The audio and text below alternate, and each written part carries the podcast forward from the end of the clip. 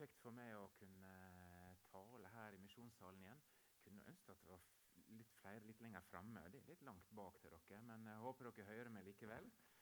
Um, det var grei introduksjon, da, um, Sverrir. Eh, nå jobber jeg på Møre ungdomsskole og um, trives godt med det. I dag så er det en tekst som, uh, der handlinga går føre seg rundt Genesaretsjøen. Eh, Genesaretsjøen er jo en eh, sjø som ikke er så veldig stor. Den er ca. et par mil lang og 13 km brei. Eh, men det er en sjø som ligger under havoverflata. Jeg har aldri vært der, men mange av dere har sikkert vært der på tur og sett det. Um, det er mye fjell rundt, og siden den ligger under havoverflata også, så har den en tendens til å bli kraftige stormer og vinder rundt denne sjøen. Det er den faktisk eh, litt kjent for. Også kjent for eh, mye fisk og godt fiskeri. Og Foranledninga før vi skal lese i dag, så er det slik at Jesus hadde metta 5000. Det var eh, krise. Det var sultne folk, og læresvennene ville sende dem vekk. Det var blitt kveld. Um, så fikk de utfordringa tilbake. Dere skal gi dem mat. Og Det hadde de jo ingen mulighet til, men de hadde en som var der med fem brød og to fisker. Og Jesus sa, 'Kom hit til meg med det'. Og Det er foranledninga til det vi skal lese, men vi skal først be. Takk, Herre Jesus, for at vi kan få åpne ordet ditt i dag. Takk for at det er levende, og at du har noe du vil si oss og gi oss. Vi ber om det, Hellige Ånd, at du kommer nært i våre hjerter med ditt ord. Amen. Straks etter fikk Jesus læresvennen til å gå i båten og fare, føre over til andre sida, medan han tok farvel med folket. Da han hadde gjort det, gikk han opp i fjellet for å være for seg sjøl og be. Da det leid til kvelds, var han der aleine. Båten var alt langt fra land og stridde hardt i bølgene, for vinden bar imot. Men i den fjerde nattevakta kom han gående mot dem på sjøen. Og Da læresveinene så han gå på vannet, ble de gripet av redsle. Det er et gjenferd, sa de, og var så redde at de skreik. Men i det samme taler Jesus til dem. Vær ved godt mot, det er jeg. Vær ikke redde. Og Da sa Peter til han, 'Herre, er det du som sier at jeg skal komme til deg på vannet?' 'Kom', sa Jesus. Peter steig ut av båten og gikk på vannet bort til Jesus. Men da han så hvor hardt det bles, ble han redd. Han tok til å søkke og ropa, 'Herre, berg meg!' Med det samme rette Jesus ut handa og greip han og sa, du lite truende, hvorfor tviler du? Så steig de opp i båten, og vinden stilna. Men de som var i båten, tilba han og sa, Du er sannelig Guds sønn. Da de kom over sjøen, la de til lands i Genesaret. Straks etter at tolv korger var samla inn og folket gikk hjem igjen, så får altså Jesus læresveinene så eh, får han dem opp i båten og sier ta over til den andre sida. Sett kursen for Genesaret. Jesus ville ha ro, og han eh, ville være for seg sjøl og be. Og så kom motvinden, så kom kavet og slitet, og de stridde hardt i bølgene. På mange måter så så tenker jeg at disse tekstene her, både når Jesus stiller stormen og denne når Peter går på vannet, sier oss veldig mye også om vårt liv. Kanskje kjenner du motvinden piske i ansiktet akkurat nå. For det er noe som møter deg. Kanskje er du midt i en storm i livet. Og du kaver og strever, og kaoskreftene har tatt styringa over livet. Flere plasser i Bibelen så er det sånn at eh, det beskriver noe av det her, denne fortvilelsen. I um, Salme 107 så får vi ei skildring hvordan det kan oppleves. Havet som har krefter som mennesket ikke kan matche. Og Det er en tekst som ikke jeg har lagt merke til før, men som er en av lesetekstene i dag. Um, det står slik i Salme 107.: Somme for ut på havet med skip, dreiv handel på veldige vatn. De så hva Herren gjorde, hans undergjerninger ute på djupet. Han tala, og det bles opp til uvær, bølgene gikk høye. De steig mot himmelen, de sokk i djupet. De mista motet i nauda. De tumla og rava som drukne. Det de kunne, var til ingen nytte. Da ropa de til Herren i sin naud, og han førte dem ut av trengslene. Han fikk stormen til å stilne, og bølgene la seg. Da det stilna, ble de glade. Han førte dem i havn der de ville.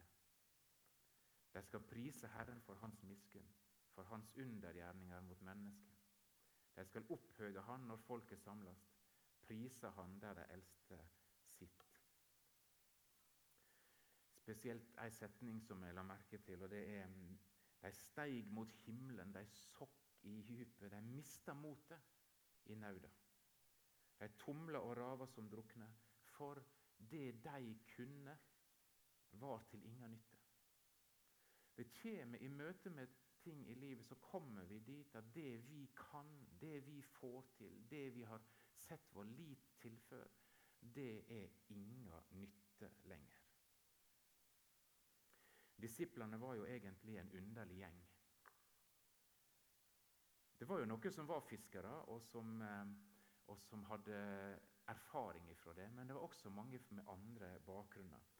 Eh, Matteus, som skriver evangeliet her, han var jo egentlig en kontormann. Eh, og ikke veldig sjøvant. Men nå sleit de.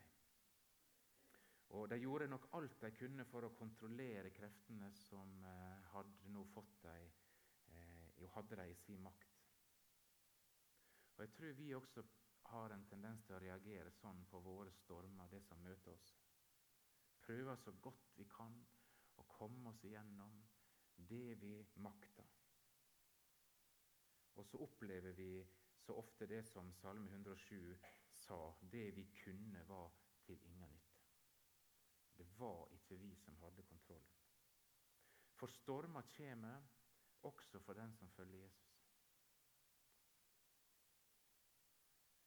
Stormer på heimebane, stormer i ekteskapet, på arbeid, stormer helsemessig, stormer med ungene. Alle disse tinga veit vi møter oss. Jeg hørte en fin historie en gang om en eh, førstereisgutt som var første gang ute på fiske. Um, han fortalte om høye bølger og båten som stampa seg fram. Han var veldig uvant, og det var lett å bli redd. Men han hadde fått et råd før han reiste hjemmefra. Hvis det blir litt røft, se opp i styrhuset, hadde far sagt. Og han gjorde akkurat det. Og når han så på skippen og så hans trygge, rolige blikk, så hjalp det litt i, i stormen. Se på skippen. Regn med Jesus også i stormen. I den fjerde nattevakta kom han gående mot dem på sjøen. Det er ikke sikkert det er tilfeldig at det står i den fjerde nattevakta. Du vet Johan Falkberg har skrevet en roman som heter 'Den fjerde nattevakt'. Det det handler om den fjerde nattevakta, det er jo den siste vakta. Det er fra i tretida om natta til klokka seks om morgenen. Det er den mørkeste vakta. Du er sliten, du ser ikke klart lenger. Slik var det med læresveinene også. Den fjerde nattevakta er et symbol på nødens stund. Når det er som mørkest og det er som vanskeligst, da kommer. Og det var slik med læresveinene. De så ikke klart, for når han kom gående mot dem, så trodde de at det var et gjenferd, og de ble enda reddere. Men da han kom nærmere, og når han kom nærmere, så så de han. Avstanden ga næring til frykta, men når han kom nær, så så de at det var han. Vær ved godt mot. Det er jeg. Vær ikke redd.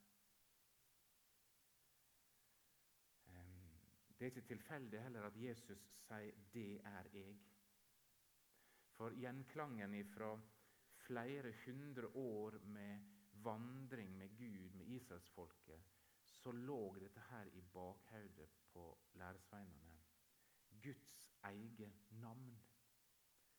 Moses sto skjelvende en gang og spurte Gud ja, enn om jeg går til israelittene nå, da, og sier eh, Han som er dykkar fedres Gud, har sendt meg, og de spør meg hva er navnet hans, hva skal jeg svare dem? Og Da sier Gud til Moses, 'Jeg er den jeg er'. Og han sa, 'Slik skal du svare israelittene', 'Jeg er har sendt meg til dykk'. Regn med Han som er. Det er jeg. Det er en sånn Javé-klang over det Jesus sier. Eh, det er et gudsbilde som kommer fram. Regn med Han som er. Han som kommer oss i møte i vår fjerde nattevakt. Sjøl om du sier du ikke ser Han, sa Jobb, så ser Han de. Og Han kommer nær. Jeg hørte en liten tekst fra visesangeren Ola Bremnes. Han har mye underfundig. Og en av hans tekster det var der han skildrer hvordan avstand ødelegger og avstand skaper frykt. Han skriver 'måtte komme nærmere for å forstå'. Lettelsen var stor, det som kom imot meg, var min egen bror. Eh, sørg for at avstanden ikke er så stor regn med Jesus. Når jeg skulle ha denne teksten i dag, så så, så jeg jo det at det handler veldig mye om å stole på. Eh, Peter, vet du Peter er litt sentral i Matteusevangeliet. Kanskje er grunnen at Matteus er opptatt av kirka. Han er opptatt av Peter som den som um, skal eh, være kirka sin første leder. Og at Peter blir en representant for hvordan den kristne kirke skal oppføre seg. Men så vet vi at innsida til denne mannen Peter, som var så prega av fall, men oppreisning og mot og tru og tvil, så blir det også et bilde som vi kan kjenne oss igjen i. Sårbarhet, Og Han er som vanlig ganske frampå, Peter. Og han sier, 'Herre, er det du?' Så sier at jeg skal komme til deg på vannet. Kom, sier Jesus. Peter opplevde jo veldig sterkt å være kalt av Jesus. Peter var jo opprørssoldaten iblant eh, disiplene. Han som hadde vært geriljasoldat og skulle kaste romerne ut, og som drog sverdet i Getsemane og ville forsvare Jesus. Eh, han ville følge radikalt. Og han sier, 'Er det du, Jesus?' Så sier jeg at jeg skal komme til deg. Um, av og til så står vi også på slike valg. Skal vi våge å gå i den retninga Gud kaller oss? Du er usikker på hva du skal velge. Um, du veit ikke helt hvor veien går. Men lær noe av Peter. Be og lytt og spør Herre, er det du? Herre, er det du som vil at jeg skal gå i den retninga her? Er det du som kaller nå? Kanskje til å komme noen i møte, til å satse, til å tørre noe nytt. Og På mange måter så um, var det vel slik at når vi flytta inn i, i lokalet her på andre sida her, så var det et steg ut av båten. Ikke sant? Og stadige steg ut av båten handler om å lytte. Herre, er det du? Du går ikke ut av båten på din egen kurs. Da, da går ikke det så bra. Men eh, lytte til Er det du, Jesus, så si at jeg skal komme til deg? For hvis det var Jesus, så kunne han frimodig stige over ripa på båten. Tillit og tru, dere, det er noe veldig rart med det. Noen ganger så oppfører vi oss som om tru bare var et substantiv. Ei tru, mi tru. Ikke sant? Noe jeg har. Eh, men det er litt skummelt, det. Eh, vi studerer trua, og vi betrakter den inne i oss sjøl. Læresveinene tror jeg også hadde litt av det samme. De kom til Jesus en dag, og så sa de eh, til han Gi oss større tru. Og så svarte Jesus med å snakke om tru som et lite sennepsfrø som eh, kunne kaste et morbærtre på havet og få det til å slå rot i havet. Ganske kraftige bilder. Men jeg tror Jesus mente du trenger ikke større tru, men du trenger ei tru med riktig retning. Fordi tru er også et verb å tru. Ikke bare ei tru, men òg tru. Og verb de har noe med seg som handler om handling. Så å tru er egentlig ei handling. Og det handler om ei retning imot Han som du tror på. Og det er jo slik trua viser seg hos Peter den natta. Han stiger ut av båten. Og Det å fundere over tru, det er det kan vi gjøre på mange måter. Jeg las noe fra Emanuel Minos, som skrev at um, han hadde snakka med en misjonær, en engelsktalende misjonær som uh, var i ei øygruppe i Stillehavet og skulle oversette Bibelen til deres språk. Johannesevangeliet holdt han på med. Men han fant ikke noe uttrykk for tru i den kulturen. Hvordan skulle han oversette det? Fant ikke det konseptet tru? Um, og han kava lenge. Men så var det en av de nasjonale medarbeiderne som kom til huset hans en dag og var trøtt og varm etter en lengre vandring og kasta seg ned på en stol og så sa han, 'Her hviler jeg nå med hele mi tyngde'. Så tenkte jeg, å, der er et uttrykk. Det uttrykket som betydde 'nå hviler jeg med hele mi tyngde'. Eh, og da oversatte han det slik ifra Johannes 3,16. For så høyt har Gud elsket verden, at han gav sin sønn den enbårne, for at hver den som hviler med hele sin tyngde på Han, ikke skal gå fortapt. Der er trua. Å stole på. Alle som tok imot ham, dem gav han rett til å bli Guds barn. De som hviler med hele sin tyngde på Hans navn. Hva setter vi vår lit til? Hva stoler vi på? Stoler du på en god innbruddsalarm med direkte brannvarsling? Stoler du på det? Har du en bil du kan stole på? Der er ikke så bra stilt. Men eh, kanskje setter du din lit til din arbeidskapasitet og møter veggen. Kanskje setter du din lit til din helse. Kanskje setter du din lit til din økonomi.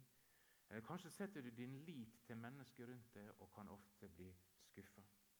Hva lener du livet ditt på med hele din tyngde? Det er det som er tru. Hva lener du ditt på med hele din tyngde? Peter steig ut av båten Han forlot det eneste han sjøl hadde å lite på i stormen, og han gikk mot Jesus. Det er å tro. For det viktigste med tro er å vite hvem du tror på, og hvem du skal hvile deg på. Men hva skjedde med Peter? Jo, det var jo Han fikk et fokusproblem. Og her eh, Han gikk mot Jesus, men da han så hvor hardt det bles, ble han redd, og han tok til å søkke. Og Så tok han blikket vekk fra Jesus. Og fokuset ble plutselig alt rundt. Eh, det var fortsatt motvind, det var fortsatt bølger. Og det er lett å miste fokus. Bibelen er veldig realistisk på det. Regner nesten med at det er et problem. Og denne her, eh, teksten her har du sikkert hørt. Derfor, når vi har så stor ei sky av vitner kring oss, så la oss legge av alt som tynger, og synder som henger seg fast ved oss, og holde ut i det løpet som ligger framfor oss, med blikket fest på Jesus, trua sin opphavsmann og fullender. Det er Jesus som skaper tru, og det er også han som holder den levende, og det er han som støtter den og skaper den hver dag helt til du er hjemme. Det er en veldig trygg og fin tanke å ha med seg. Det er han som skaper trua. Jeg leste i avisa om en musikklærer som eh, var fortvila for tida fordi det var så mye bakgrunnsmusikk overalt. Og ikke bare bakgrunnsmusikk, men det var musikk hele tida. Eh, og støy som vi omgir oss med. Og han var redd for at evnen til å lytte til musikk eh, ville gå tapt. Og han skrev 'Vi lever i distraksjonens tidsalder'. Distraksjonens tidsalder. Greier vi å feste blikket? Det er liksom spørsmålet. Eh, og oppmerksomhet har blitt et knapphetsgode. Det er faktisk blitt veldig verdifullt med oppmerksomhet. En undersøkelse fra USA viste at 77% av de som var spurt, de, mens de så på TV, så så de samtidig på mobilen. Eller nettbrettet eller PC-en. Og Da kan vi liksom tenke sjøl er vi også der at vi liksom prøver å være på alle kanaler på en gang. Og oppmerksomhet har blitt et knapphetsgode. Og så handler det om å feste blikket. For trua di handler om å feste blikket. Har vi flytta oppmerksomheten bort fra Han som skaper trua? Peter begynte å synke. Og Det maleriet der syns jeg var et maleri. Det er altså Mange av de som jeg har plukka ut i dag, så er det en eh, sørkoreansk maler som heter Yong Song Kim. Eh, ser du på en måte Jesus står der over vannet, og du har sunket ned og ned. Herre, berg meg, ropte Peter. Med det samme retta Jesus ut handa og greip han. Samme hvordan du kjenner deg i dag, om du kjenner at du holder på å synke, nå går jeg under, så er det bare et rop unna Han som har ei frelserhand og bare kan dra deg opp til seg. Berging, det er Jesus. Og så sier Jesus 'du lite truende'. Og det syns jeg var morsomt å oppdage at det var faktisk eh, som et navn, som et kallenavn. Det var ikke du som tror lite, men det var du lille truende. Du eh, Som et lite sånn kallenavn. litt sånn et, Og da ser du kanskje et litt sånn humoristisk blikk også hos Jesus. Eh, du, du lille truende. Kom igjen. Trodde ikke du at jeg skulle greie det her? Og Så steig de opp i båten, og vinden stilna. Men de som var i båten, de tilba han og sa, 'Du er sannelig Guds sønn.' Og Da de kom over sjøen, så la de til land. Og Det tror jeg mange av dem var veldig fornøyd med. Å komme til land. Og En gang så skal også vår båt bli dratt helt i land. Det er den tilliten du kanskje trenger aller mest Hvorfor tviler du? Hadde du mista fokus? Hadde du blitt distrahert? Visste ikke du at du kan legge hele din tyngde, alt du har å bære på, over på Han? Han skal være med deg helt til din siste dag. Og stole på. Men ikke noe som vi får til, men noe som Han gir. De som var i båten, tilba han og sa du er sannelig Guds ånd.